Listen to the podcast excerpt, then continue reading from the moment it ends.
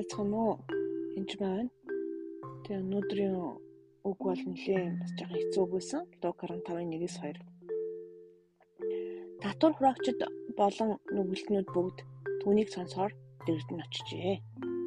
Тэгэхээр Есүсийг сонсохоор татвар хураагчид болон бас нүгэлтнүүд тэр маш олон нүгэлтнүүд зөндөө олон татвар хураагчид Есүсийг сонсохоор түн дээр дэрд нь очисон гэсэн үг. Гэтэл парасачууд болон хуулийн багш нар дургуйцсан дүнгэлдэж тэр дургуутсан хоорондоо ховж ярьж хей хөө ингэж болохгүй тэгж болохгүй юу гэсэн л алдаа дүнгэлдсэн гэж юм тийм үү? Энэ хүн нүгэлтнүүдийг хүлээн аван тэдэнтэй хамт хоололдог гэв. Иесусыг шүүж байгаа юм. Тэгэхээр энэ хүмүүс нүгэлтнүүд энэ энэ хүн дээр ирчиж байна нүгэлтнүүдийг хүлээн авлаа гэдэг нь өөртөө би ариун гэж үзэж байгаатай адилхан гэсэн үг.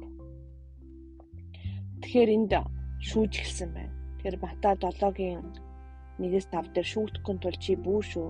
Учир нь та нар яаж шүүн түнчлэн шүүгдэн гэсэн. Тэгэхээр бид биенийг ингэ шүүж болохгүй гэсэн. Гэхдээ бид нар хэл хүндээ хэл хүгээ хэлж болно. Хүүхдүүдээ хүмүүжүүлэх юм? Үнэхээр найз эсвэл таны доор дагалдуулж байгаа хүн чинь асуудал тариул хэлж болно гэсэн. Ягаад гэвэл та нарын хэмжүүрэг шиг өөрсдийг чинь хэмжинэ. Хоёр нүртэг хүн чи эхлээд нүднээсээ дүнзээ авч хай. Тэгвэл чи ах トゥ угийнхаа нүднээс үрцгийг авч хайхтаа сайн харах болно. Юу гэсэн үг юм бэ гэхээр жишээ шүүхгүй ч гэсэн би эндээ хэлж болно. Гэхдээ чи өөрөөхөө нүднээс дүнзээ авч хай гэж. Бид заримдаа өөртөө мэдгүй өөртөө дүнзтэй өөртөө өргөстөө байдаг байгаа. Өргөсөөс борхоо дүнзэгдэг чинь жигтэйхэн том гэсэн үг шүү дээ. Тэгээ үүнийг харахгүйгээр бусдын нүдэнд хүрцэх ч юм уу бусдын асуудлыг авч хайн гэдэг бол сайхан зүйл биш. Тэгэхээр өргөсийг авч яхаас нааш гардаггүй зүйл дүүрэн түүнтэй адилхан бид нэр сэтгэл зүрх бие махбодондоо цэвэрлэгээ хийх бол болохгүй.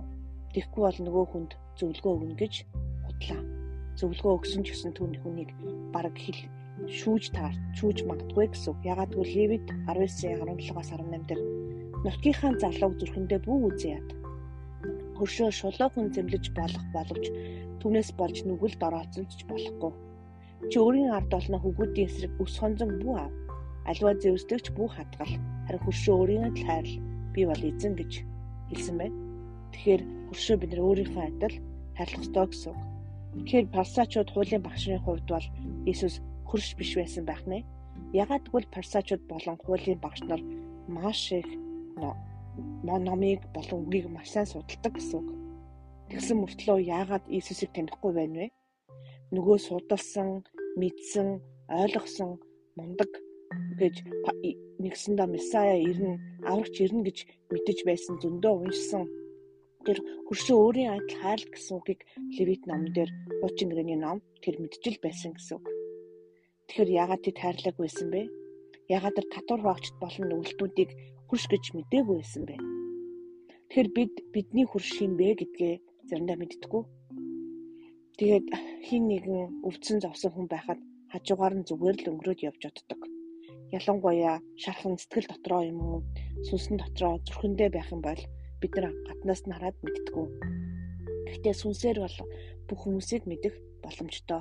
Иесус үнэхээр нүгэлтэй хүмүүсийн төлөө ирсэн тэднийг аврахын төлөө ирсэн. Тэрний нүглийг ухаад цэвэрлэхийн төлөө ирсэн байгаа. Тийм учраас бити бие биенийг шүүгээрээ.